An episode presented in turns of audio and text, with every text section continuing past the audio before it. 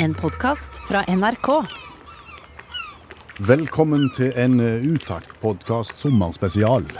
Ja, den er satt sammen av litt nytt, litt gammelt og litt eldgammelt. Especially for you. Special price for you, my, my darling. Special, we want massage.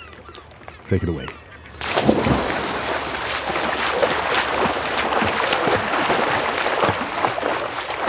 Og vi starter med sau i dag.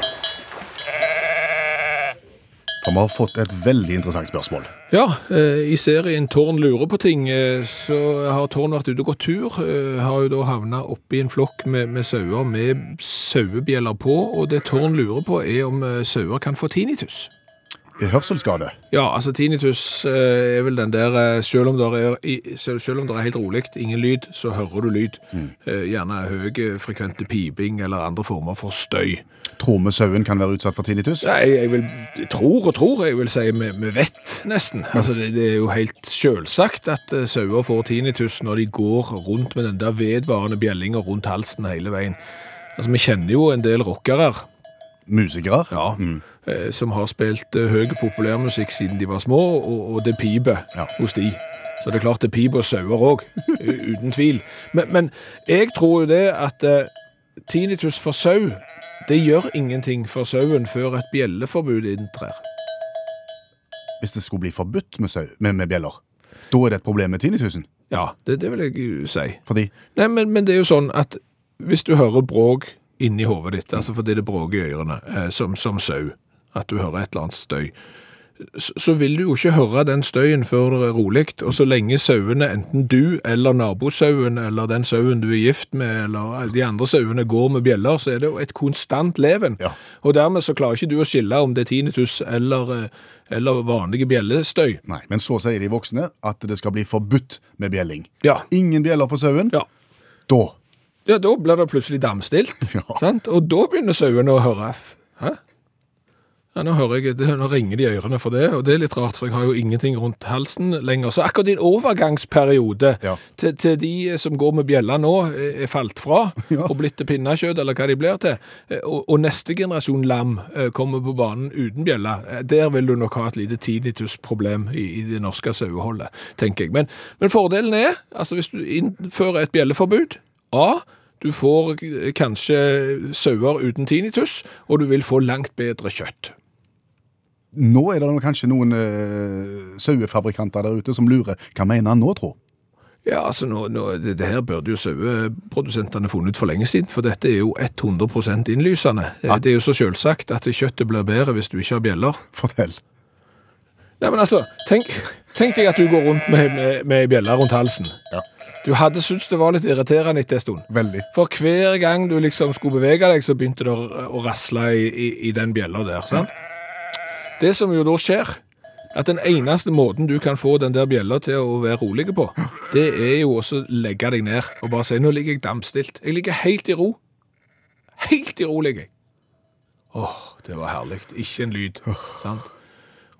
Og så er det vel sånn at kjøtt som skal være godt, kommer fra topptrente dyr. Dyr som har vært i aktivitet, som har sprunget over vidder og hei og spist eh, hva de spiser, jeg vet ikke. Men, men, tust og gras. Tust og gras og lyng og, og mirakelse, sant? Men, men istedenfor så blir sauene så totalt lei av denne ringelyden at de sier, vet du hva, jeg legger meg ned på sofaen, tar fram fjernkontrollen og ser noen episoder på Netflix mens jeg spiser peanøtter og chips.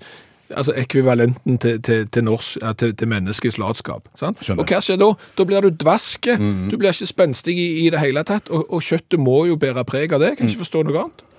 Nei, det, det er interessante teorier du bringer på banen. Ja. Det, det, altså. Det er veldig interessant. Tror du at det var bjellene som gjorde at saueklipping i sin tid forsvant som OL-grein? For det var OL-grein. Ja, ja, ja. Saueklipping var jo OL-grein i Paris i, i 1900. Det var mye rart som var OL-grein i 1900. Ja, det var stille lengde. Ja, de hadde dueskyting på levende duer. Ja, For å si det sånn, den der arenaen så ut som en slagmark etterpå. Eh, De, de hadde også krokketurnering med én betalende tilskuer. Men så- men så hadde de saueklipp. Ja. Og det er interessant å se for seg det. Fordi at eh, sau, saueklipperlandene, altså de som skal delta, Ja, de må jo ha med troppen. ja det er New Zealand du sikter til, sikkert. ja, men la oss si New Zealand.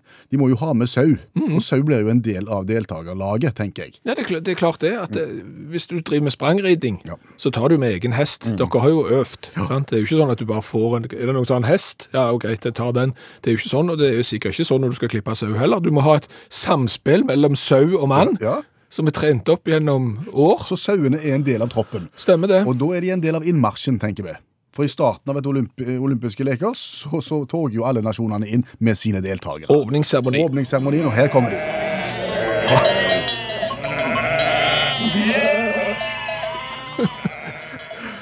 Og allerede der så er det vel grunn til å tro at publikum kan begynne å bli litt lei. Jo, men, men når det gjelder åpningsseremoni under OL, så er folk i godt humør, og de ser for seg show og spetakkel, så, så en 200-300 sauer fra eller til, det, det tror jeg ikke betyr noe mer. Mer skeptiske til de eh, som, som bor i deltakerlandsbyen og som skal prøve å få seg litt nattero. Ja, ja, for der bor òg sauene. Ja, ja, altså New. Zealand sin paviljong i, i deltakerlandsbyen, der bor de. Ja. Og så skal du opp neste dag og skyte på levende duer, eksempel, og, og trenger en god natts søvn. Er det mulig å få de der sauene til å legge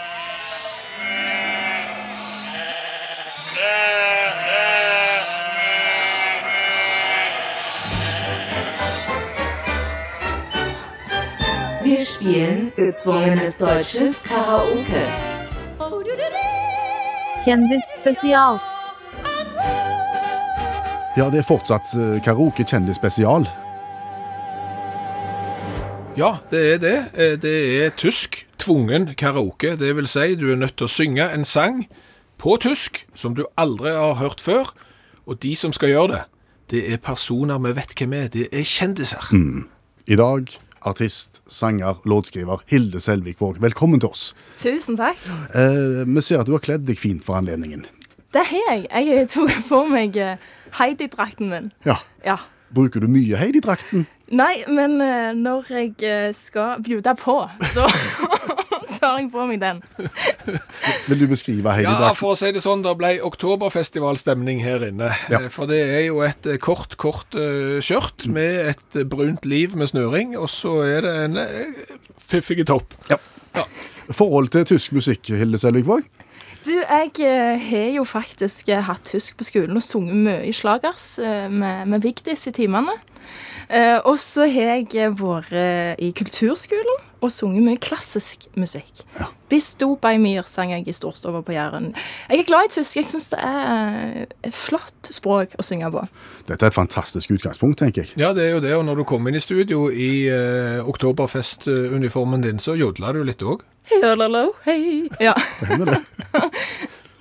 Jeg tror rett og slett vi bare skal skride til verket nå. Det som nå skjer, det er at eh, alle som hører på Utakt, skal få høre den tyske sangen som du uten forberedelser skal få lov til å synge etterpå. Så hvis du nå går rolig ut døra Yes. og holder deg for ørene, så ikke du får med deg det som vi skal høre, så tar vi det derfra. Og så vet vi det at Hilde skal få lov til å synge historien om eh, Hilly Willy Country Lily. Ja.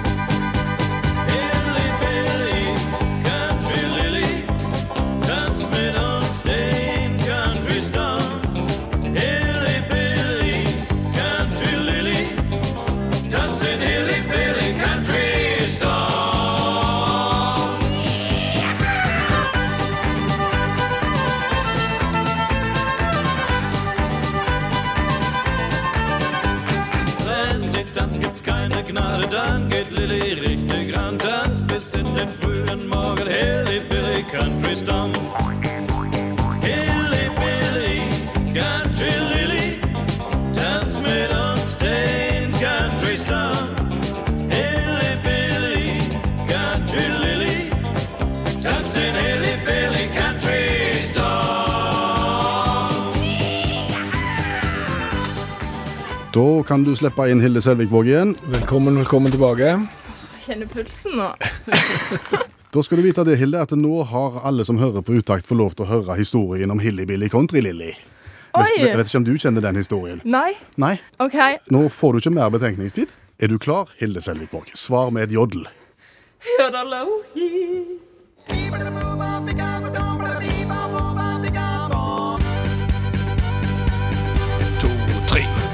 Hilly-Willy, Country-Lilly, tanz muss die Country stumpf. Hilly-Willy, Country-Lilly, tanze Hilly-Windy, Country stumpf. Lauft und überleben, Leute, sauft. Hui! Lauft und über... Lauft und überleben, Leute, laut, sondern leise ist die Tram. Wenn sie tanzt, gibst die keine Gnade. Tanzt die Lilly Geischen ran. Tanz bin die Morgen, Hilly Willy Country stumm. Hilly Willy Hilly. Hilly Willy Country Lilly, tanz oss i country stump. Hilly Willy Country Lilly, tanz til Hilly Billy Country stump. Hilly Billy Country Lilly, touch me die country stump. Hilly Billy Country Lilly Country stump. Hoi!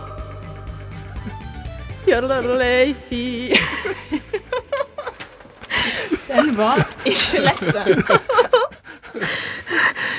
Eh, det gikk eh, Det gikk ikke så veldig bra, dette. Tror jeg vi kan si.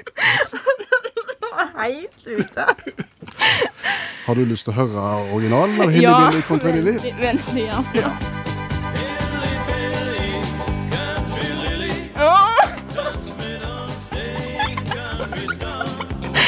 sånn den er, ja.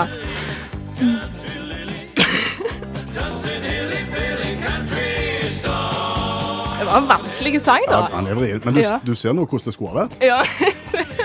Få to refrenger nå. Country Lily, country hilly billy, country hilly stam.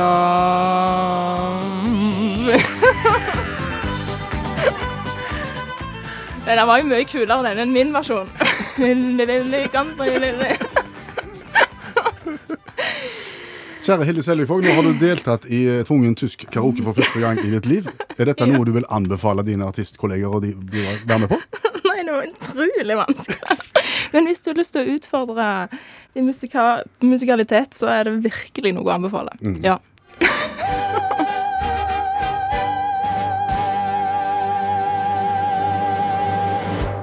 Om du tror at uh, kunst er litt uh, som fotballkort bare for rike? Kunst er som fotballkort for riket. Ja, ja, eh, for når vi samla på fotballkort, så var det jo sånn at vi hadde alvorlig med fotballkort. Altså Folk samla på servietter, glansbilder, klistremerker og etiketter og andre ting òg, men eh, hvis vi ser på fotballkort, så hadde vi jo en alvorlig bunke med fotballkort. Mm, Mange, hadde- mange hundre. Ja, og, og noen hadde vi f.eks. mange av, noen fotballspillere hadde vi kanskje mange av. Men så var det en og annen fotballspiller der som vi ikke hadde. Mm. Kevin Keegan. Ja, for eksempel. Ja. Eh, og da var det jo sånn at det, det var etterspørsel da etter det kortet vi ikke hadde.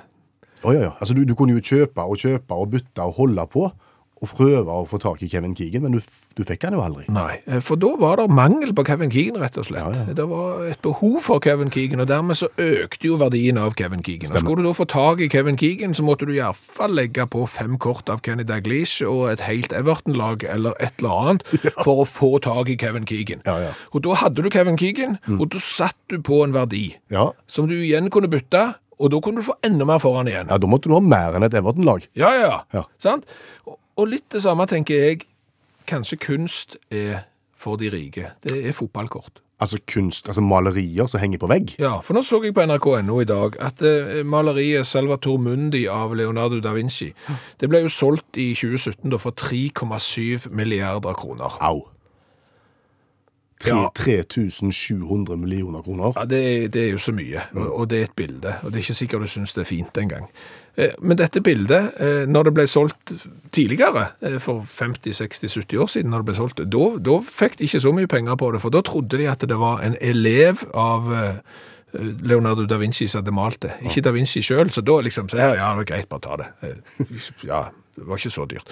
Og så viser det seg at det er Leonardo, da Vinci som har malt det, og da er 3,7 milliarder eh, kroner. Og hvem kjøper det da? Sikkert en eller annen sånn lagenbefengt anonyme sjeik fra et eller annet land. Og nå tror du at eh, Det blir et slags Kevin Keegan om en liten stund. Så da vil det komme en annen riking og by enda mer etter hvert. Ja, for jeg tror at noen har fortalt at noen maleri er liksom Kevin Keegan-fotballkortet. De det er det kortet du skal ha. Du trenger ikke synes det er fint, du trenger ikke heie på det laget Kevin Keegan spilte på en gang, men det er det kortet du skal ha.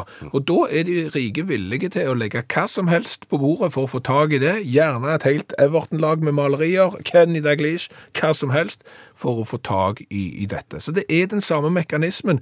Det er bare noen milliarder kroner i forskjell på det. Du får ikke kjøpe kunst i stjerneposen. Du får ikke kunst i stjerneposen, for å si det sånn. Nei, der fikk du kiss. Ja. Eh, Hvor mange stjerner går det an å få på et hotell? Godt spørsmål. Fem, vel? Fem stjernes. Fem. Fem? Ja. Eh, Syv? Syv er mulig. Syv fins. Eh, Du har sett bilde av det. Seilet i Dubai. Ja, mm. Det er 300 og et eller annet meter høye som ligner på et seil, og de har syv. Ja. Og, og der er det jo sånn at der får du vel eh, Ja, hva får du da? Du får jo alt. Du får vel egen sånn en eh, mann som eh, omtrent bor sammen med deg og gjør alt du vil. Egen strand og, og vannkraner i gull, og det er, ikke, det er ikke måte på, men da får du syv. Da får du syv. Ja. Mm. Norge, da? Jeg er ikke sikker, men det finnes iallfall fem. Ja. Ja. Gra type Grand i Oslo, det. Ja, sånn Grand og Continental og det Thief i Oslo, der er sikkert i andre byer òg, for alt eh, jeg vet. Men, men det jeg har lurt litt på, er hvordan får de disse stjernene? De får de vel basert på det som du sa innledningsvis om, om seilet. Altså en standard for eh, beliggenhet, eh, størrelse, mat, service, eh, renhet. Altså alle, alle sånne parametere som, må- som må oppfylles. Jo, jo, men, men er ei stjerne like mye verdt uansett hvor du er? Altså, er ei norsk stjerne like mye verdt som ei annen stjerne, eksempel? Jeg håper jo det. Ellers så blir det vanskelig for oss å orientere oss i hotelljungelen når vi skal velge, tenker jeg. Jo, men nå tenker du deg ikke spesielt godt om. Nei, det er ikke uvanlig. Nei, det er, for, det er for så vidt ikke det. Men, men ja, sier du, ei stjerne er ei stjerne. Akkurat som ei stjerne er ei stjerne. Men, men, men, tenk deg, du har jo vært på hotell i, i London, du òg. Ja, Og det virker jo ikke som ei stjerne er like mye verdt som ei stjerne. For et norsk firestjerners hotell er jo ikke det samme som et britisk. nei, nå, nå, nå er vi inne på det. Ja. Britisk firestjerners hotell er gjerne katastrofe. Det er jo det. For eksempel det siste firestjerners hotellet som jeg bodde på i London, Ja. der det rant vann fra røykvarsleren.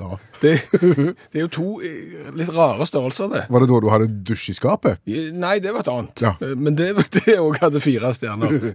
Det, det er òg litt eh, spesielt. Og det er klart at det, serverer du frokost på papptallerkener, så lukter det ikke fire stjerner i Mm. Mitt hode, men allikevel så har de fire stjerner. Ja, ja, ja. Jeg har bodd på firestjerners hotell i London, hvor heisen er så liten at du må velge mellom deg sjøl og kofferten.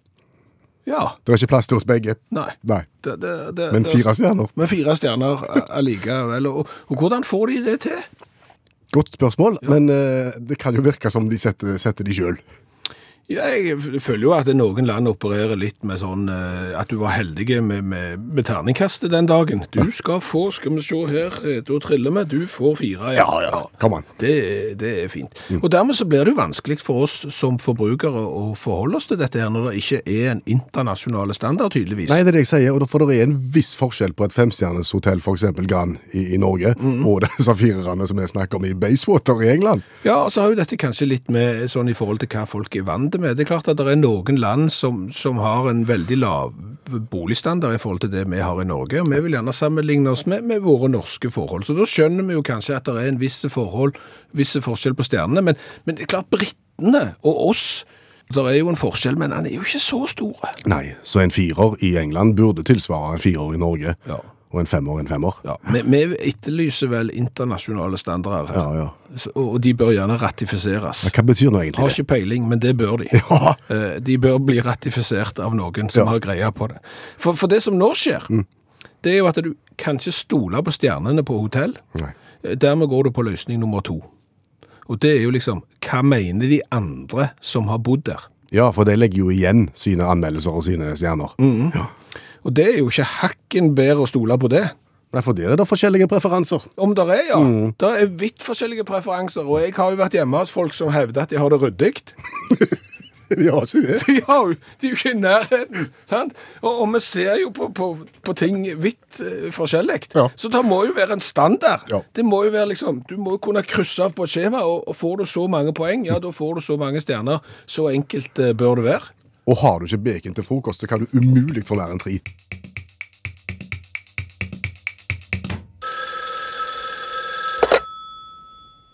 Hallo, ja? Ja, hallo, ja. Hvem er det som ringer? Det er Salve Snartemo som ringer. Hei! Hei, jeg, jeg vet ikke om du husker meg? Jo, jeg husker deg. Du representerer reklamebyrået TikTak. Jeg representerte reklamebyrået TikTok. Jaha. Ja. Du var sjef i reklamebyrået TikTak som spesialiserte seg på TikTak-reklame. Utelukkende TikTak-reklame, ja. Ikke noe snikksnakk, mer enn TikTak. Ikke noe snikksnakk, mer opp TikTak. Her med TikTok, til med TikTok, kritikk-takk. Og så videre, og så videre. Og så videre, og så videre, ja. Men du sier du var sjef i dette firmaet. Ja, jeg må si at TikTak-reklame har nok ikke tatt av i den grad jeg hadde tenkt etter at jeg snakket med deg på radioen. Selv om du snakket for 500 000 nordmenn. Det viser seg at TikTok-reklame nok ikke er i skuddet slik som jeg hadde trodd og håpet. Nei. Hva gjør du på nå, da? Nå har jeg ringt til Brønnøysundregisteret og sagt hallo, det er Salve Snartemo som ringer fra TikTok reklamebyrå. Eh, ikke noe snikksnakk. Jeg vil gjerne avvikle selskapet. Akkurat. Ja. Og det var greit? Det var veldig greit, og så sa jeg samtidig hallo, eh, Brønnøysund, det er Salve Snartemo som ringer. Jeg vil gjerne lage et splitter nytt reklamebyrå. Eh, Er det mulig? Ja. Og det var det? Ja, det var, det var ingen problem. Nei. Nei, nei, nei. Og det nye reklamebyrået ditt, Snartemo, hva heter det? Det heter eh, Politikk Takk. Det var veldig likt det forrige. Det var, før var det reklamebyrået TikTak, og nå er det reklamebyrået Politiktak. Det stemmer 100 Veldig likt. Holder jo litt den samme tanken eh, i hevd, eh, nemlig TikTak. Ja. September så går det norske folk ad undas til urnene, og da tenker jeg det er et rungende behov for uh, politikk-takk-reklame. ja, OK. Ja. Hvordan ser du dette brukt i praksis? Der sitter gjerne en liten bussjåfør på et eller annet nes i Norge og tenker jeg skulle så svært gjerne ha vært eh, ordfører. Hvordan skal jeg bli det? Kanskje du skal ringe til Salve Startemo i Politikk-takk reklamebyrå. Ja, ok, La oss nå si at vedkommende representerer Venstre, da. Venstre, ja, det er et flott eh, parti med historiske røtter. Ja. Hvordan ville du da utforme en reklame for eh, denne ordførerkandidaten?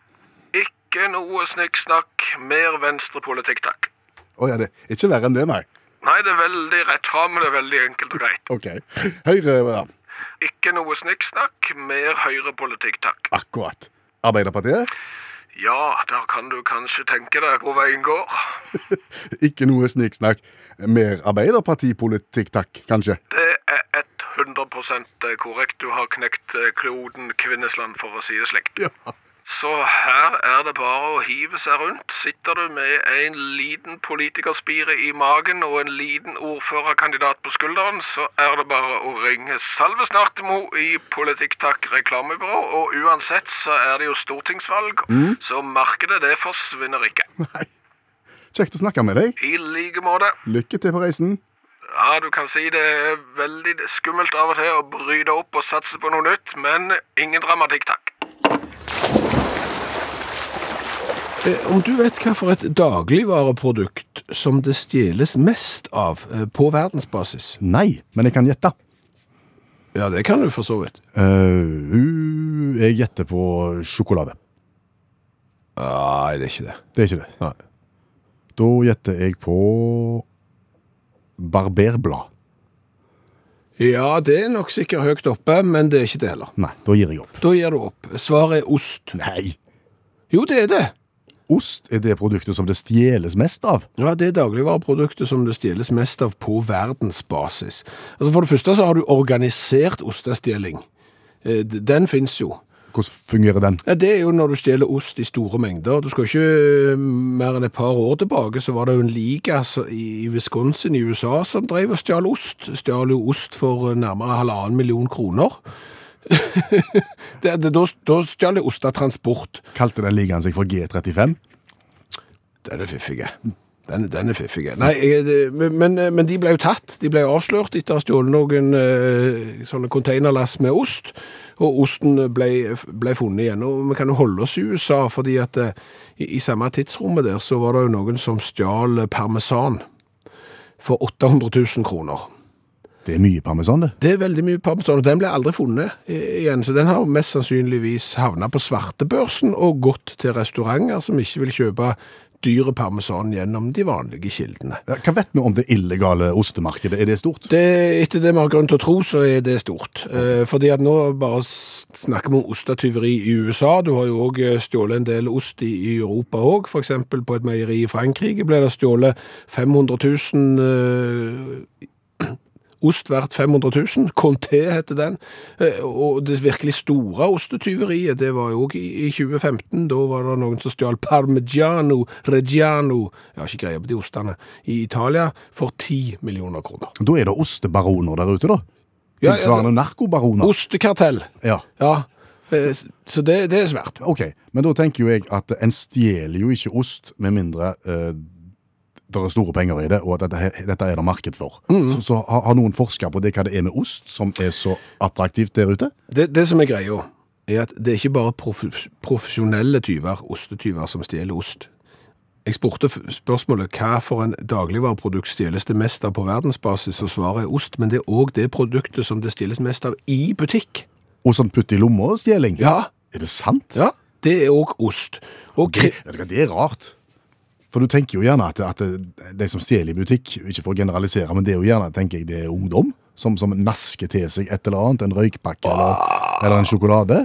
Så skal du stjele jo ikke Gudbrandsdalsost. det er nok en del pensjonister som har tatt med seg en damer og to òg. Tror du det? Ja, kanskje du er på jakt, kanskje du er enslig og trenger damer. Hva, hva, vet, vet hva vet jeg? Nei, men engelskspråklige kriminologer forklarer ostestjelingen med ordet craved. Craved. Concealable, removable, available, valuable, enjoyable og disposable. Det var mye eibler, men det betyr altså at det lar seg lett gjemme, det er tilgjengelig, og det er dyrt. Har du for eksempel sett en gulost i butikken med en sånn en eh, sensor på, sånn som gjør at det piper når du tar den med deg ut av butikken?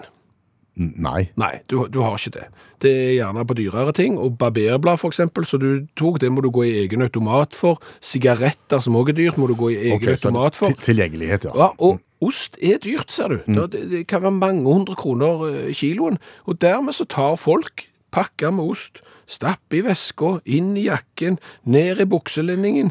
Og jeg har jo bodd i Frankrike og vært på ostemarked, og jeg ser jo for meg hvordan det er å stappe eksempel 200 gram racletteost ned i, tru, i trusa. Det, det, det lukter det, Det gjør du bare én Ja, det gjør du bare én gang. Det, det, det lukter ikke bra, men, men, men sånn er det. Akkurat. Ja. Jeg vet ikke hva produkt som er mest stjålet i Norge.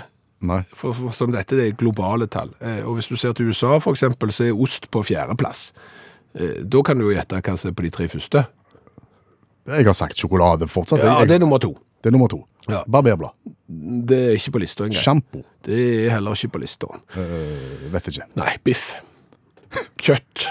Kjøtt er nummer én, eh, så der er det liksom det er, Entrecôte i baklomma. Ja, to koteletter i BH-en og rett ut av eh, butikken. På andreplass så er det godteri, på tredjeplass er det barnemat, og så kommer osten på fjerde. Dette er interessant. Veldig. Det stunder mot høst. Ja, uff, ikke si det. Hvorfor begynner jeg å si stunde? Det er sånn... Det er mulig fordi vi skal begynne å snakke klassisk litteratur, og da oh, ja. bruker du litt sånn klassisk språkbruk. Det stunder mot høst. Kunne det ikke være på sin plass å lære seg noe Kafka? Jo, jo, hvorfor ikke? Men kan de Kafka da, Skjæveland? Overhodet ikke, eh, Kvinnesland. Men hvem kan Kafka? Janne Stigen Drangsholt. Professoren kan komme i studio og lære oss sin Kafka.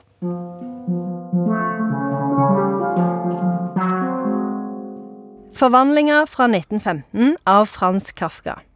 Gregor Samsa forvandles til en bille, men prøver likevel å komme seg på jobb.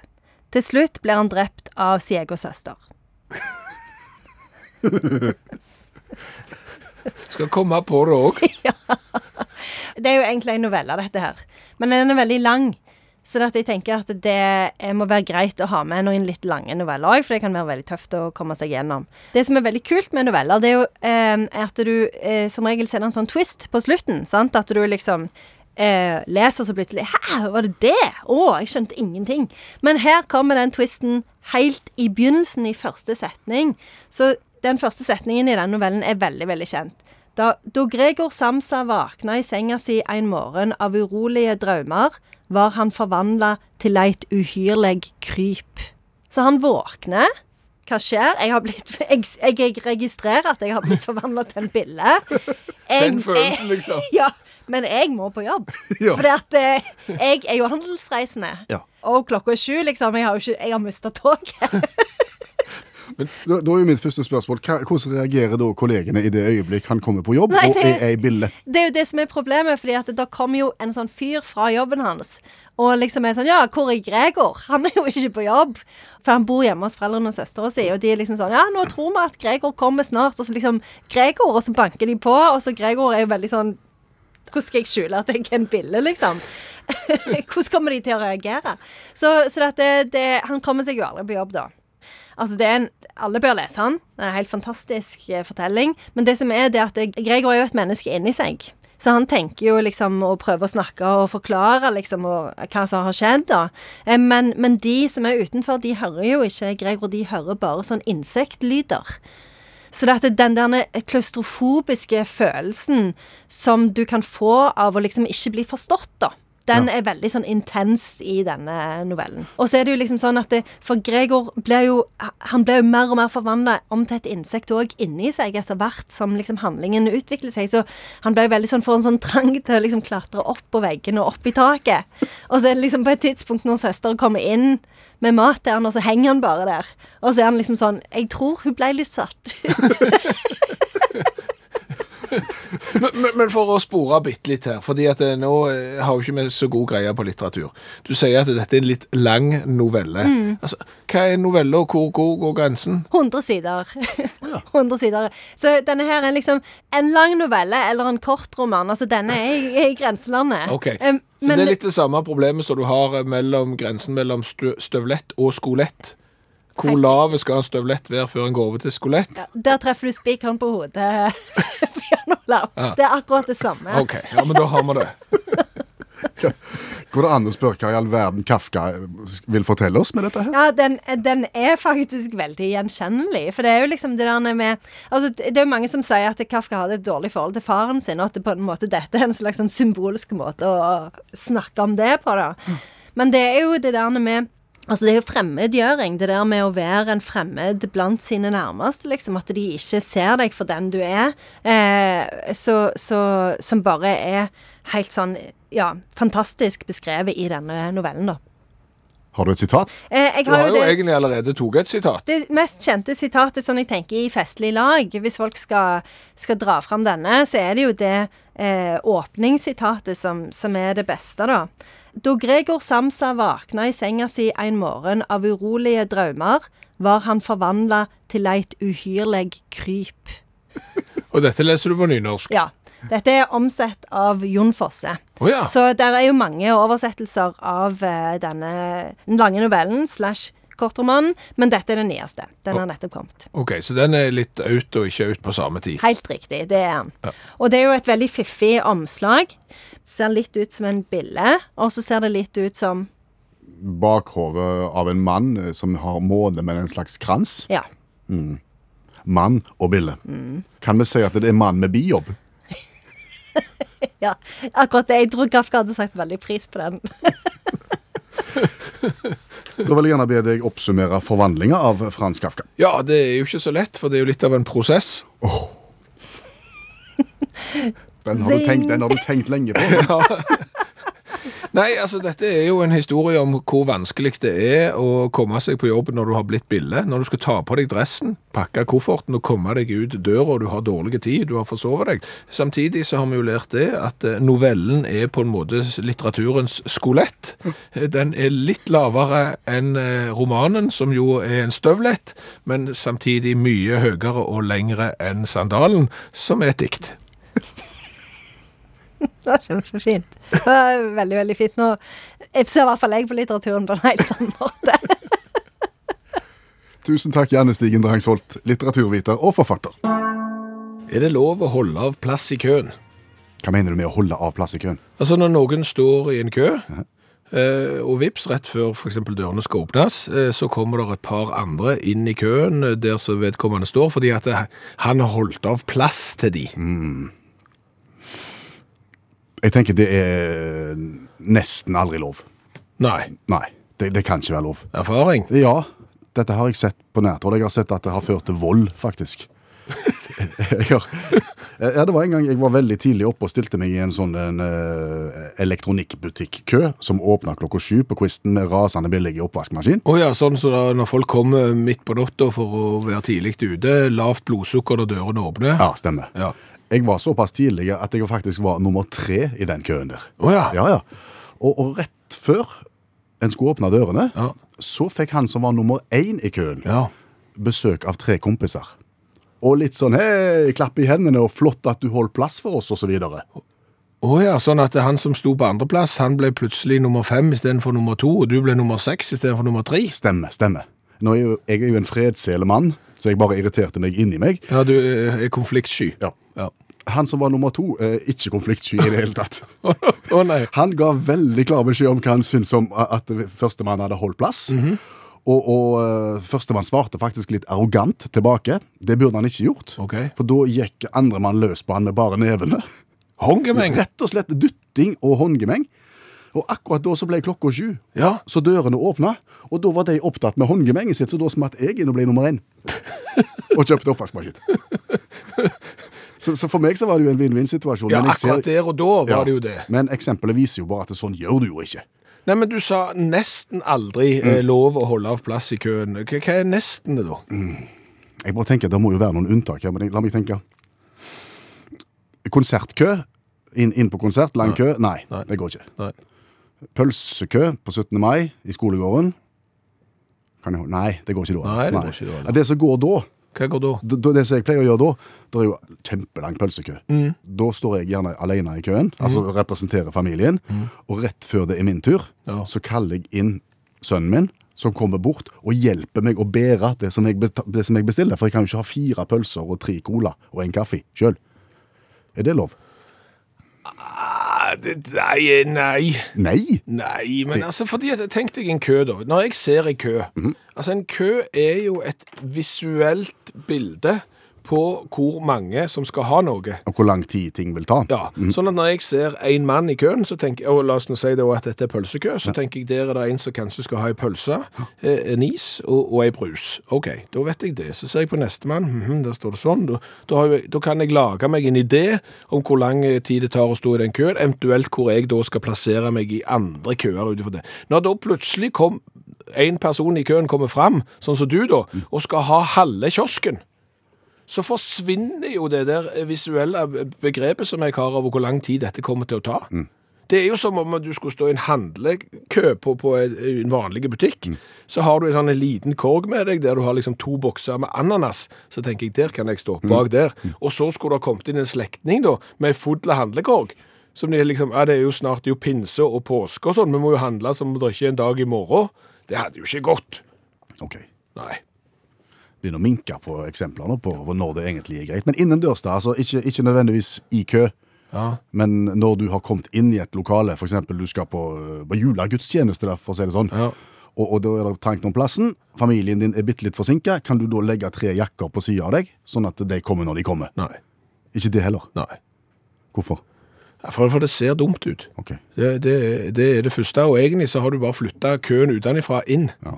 Så, du har jo egentlig, og, og, og kanskje det viktigste av alt det momentet der da, det er jo at du aksepterer at folk ikke kommer tidsnok. Ja, og så lærer du folk opp til at det er greit, ja. Sånn at, fordi at det er alltid noen som holder av plass. Så de som er kronisk for sent kommer, de blir aldri bedre. Nei, for det at de lærer ikke at de eksempel på julegudstjenesten må sitte på trappa ut forbi fordi det er fullt inn i kirka, sant? Og høre på, på, på høyttaleranlegget. Så derfor. Der, der er ikke unntak her. Det finnes ingen unntak. Hold... Jo, ett unntak finnes. Nå kom jeg på det. Ett må være, ett må være greit. Hvis du står i kø og Ja. har stått lenge, Ja. og så kaller naturen, så Ja. må du så er vanvittig på do. Kan du da si til deg som du har blitt kjent med rundt om deg i køen, og si kan- 'nå er jeg vekke i to minutter, bare hold plassen min, så kommer jeg tilbake'? Det kan du, for du har gitt et inntrykk av at du, du, de vet at du har stått der lenge, og at du kommer tilbake igjen, så de kjenner deg på forhånd. Da er det greit. For noen år siden så kunne vi lese nyheten om at flyselskapet British Airways søkte patent på en digital lykkepille.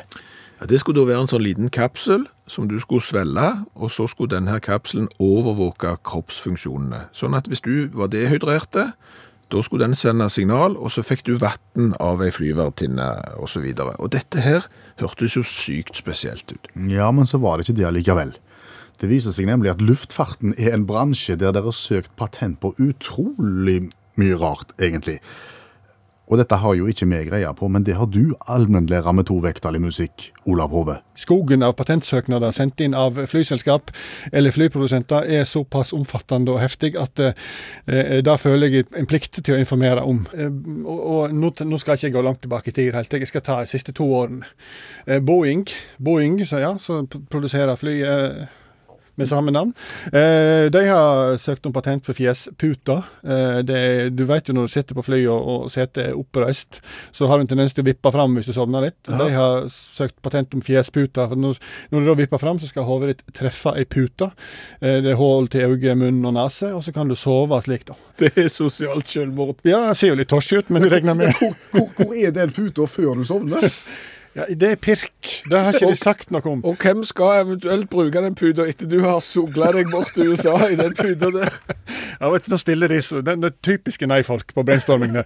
Håper har en produksjon i løpet av neste år. Ja da. Eh, Boeing har fortsatt òg prøvd seg på smartvinduer. Søkt om patent på smartvinduer. Litt ullent hva de smartvinduene skal inneholde, da, men det skal være en slags iPad-system. da, og Så kan du da se ut på Alpene, f.eks., og så kan, du, kan du da klikke deg fram til informasjon om Alpene, da, eller andre plasser fly over. da. Og så kan du spille musikk. Det Boeing ikke sitter, er jo at det er jo ikke ett vindu per passasjer, så det kan bli litt rift om smartvinduene. Eh, Så men, fullt så smart vindu. Nei, ikke. det er en sånn halvsmart vindu. Eh, Mastercard eh, prøver å produsere ting til, til flyindustrien. De har kommet med tilbud nå at de kan, når folk betaler med Mastercard, flybillettene sine, så kan de oppgi vekt og høgde på passasjerene uten at passasjeren trenger det. Fordi at Mastercard de kan overvåke hva du handler, og dermed så kan de finne ut hvilken størrelse du har. I tillegg så kan de se litt på interessene dine, sånn at du kan ha en total underholdningspakke på disse her TV-skjermene når du setter deg ned, for det har Mastercard funnet ut. Da skal du være gyselig forsiktig med hva du ser på i forkant. Ja, jeg tenker jeg kjøper mye klær til ungene mine. Sant? Du får verdens minste CD, og så får du, får du tegnefilm på skjermen foran deg. Ja, sant. Men, men selveste, selveste patriarken innen patentsøknader, det er da Airbus. Og hold dere fast, i fjor så sendte de inn 600 patentsøknader. Eh, vindusløs cockpit har de søkt om. Kan ha mer aerodynamisk fly. Piloten ser ikke ut, da, men det kan de jo fikse. De har radar og sånne ting. Det har de søkt om. Smultringforma kabin har de søkt om. Eh, for det er visst mer lettere å stappe folk inn i fly som har smultringforma kabiner. Folk skal sitte i en sirkel, og så tenker de å vil ha benke istedenfor sete, for da kan folk eh, variere litt mer sittestilling. Eh, de har kommet med en såkalt stitting. Løsning for korte flyreiser. Det er en blanding mellom å stå og sitte. Det er litt sånn som du er på fotballstadion. Sant? Du flipper ut et sete, men dette setet her er et sånt sete som ikke hadde sett dumt ut i det hele tatt på en sykkel. Eh, det har de søkt om, så da kan du stable folk helt tett i tett. Eh, de har søkt om eh, eh, eh, såkalte eh, midtgangsete etter Messain-prinsippet. Så når folk har sett seg på sine faste plasser, så kan det komme inn midtgangmennesken og klatre opp en liten stige og sette seg i Messainen. Det var hems. Ja. Flyhems. ja. Og eh, avtagbar kabin har de prøvd seg med. Eh, så slipper jo fly, og når det har landa, slipper det taksa, faksa, saksa, alt det greiene der. Du bare får ut din heisekran, napper ut passasjerene og setter dem inn i terminalen. Det er jo fint hvis du har flyskrekk, tenker jeg. Da kan du grue deg òg til etter du har landa. Eh, eh, og så kommer den store underholdningshjelmen deres. Det er en sånn eh, slags plastikk sånn, sånn føner som du har hos frisørsalonger. En sånn en som du kan ha på hodet ditt, og, og da kan du, nå skal jeg sitere, de, de har, denne her skal sette passasjerene i en total sensorisk isolasjon. Eh, skal hjelpe mot flyskrekk dag. Da kan du se film, du kan høre på musikk, og eh, passasjerene kan bli tilført ført odører eh, til sine naser. Altså det er en slags, eh, er en slags, eh, slags luftfrisker òg inni disse her hjelmene. Eh, Bernhard Göring, som har, har designa denne her, han sier da at, at det vil nok forhindre at folk blir kjeder seg. Det vil redusere stress, det vil ta vekk eh, flyskrekk, og ikke minst at vi reduserer småskader ved turbulens. Og da tenker de, hvorfor vil det det? Jo, sier Bernhard, for inni de hjelmene så er det tre små airbager. Så hvis det blir mye turbulens, så vil de utløse seg. Og da tenker jeg er bra. Hvis du har flyskrekk, så sitter du med en sånn føner på hodet ditt, helt fast i turbulensen, kommer deg ikke ut. Sant? Så kan du da, ja, da kan du få klaustrofobi i tillegg til flyskrekken. Så det er mye kjekke patentsøknader. Jeg syns ikke British Airways var gale i det hele tatt. Det er bare å søke. Du har hørt en podkast fra NRK. Hør flere podkaster og din NRK-kanal i appen NRK Radio.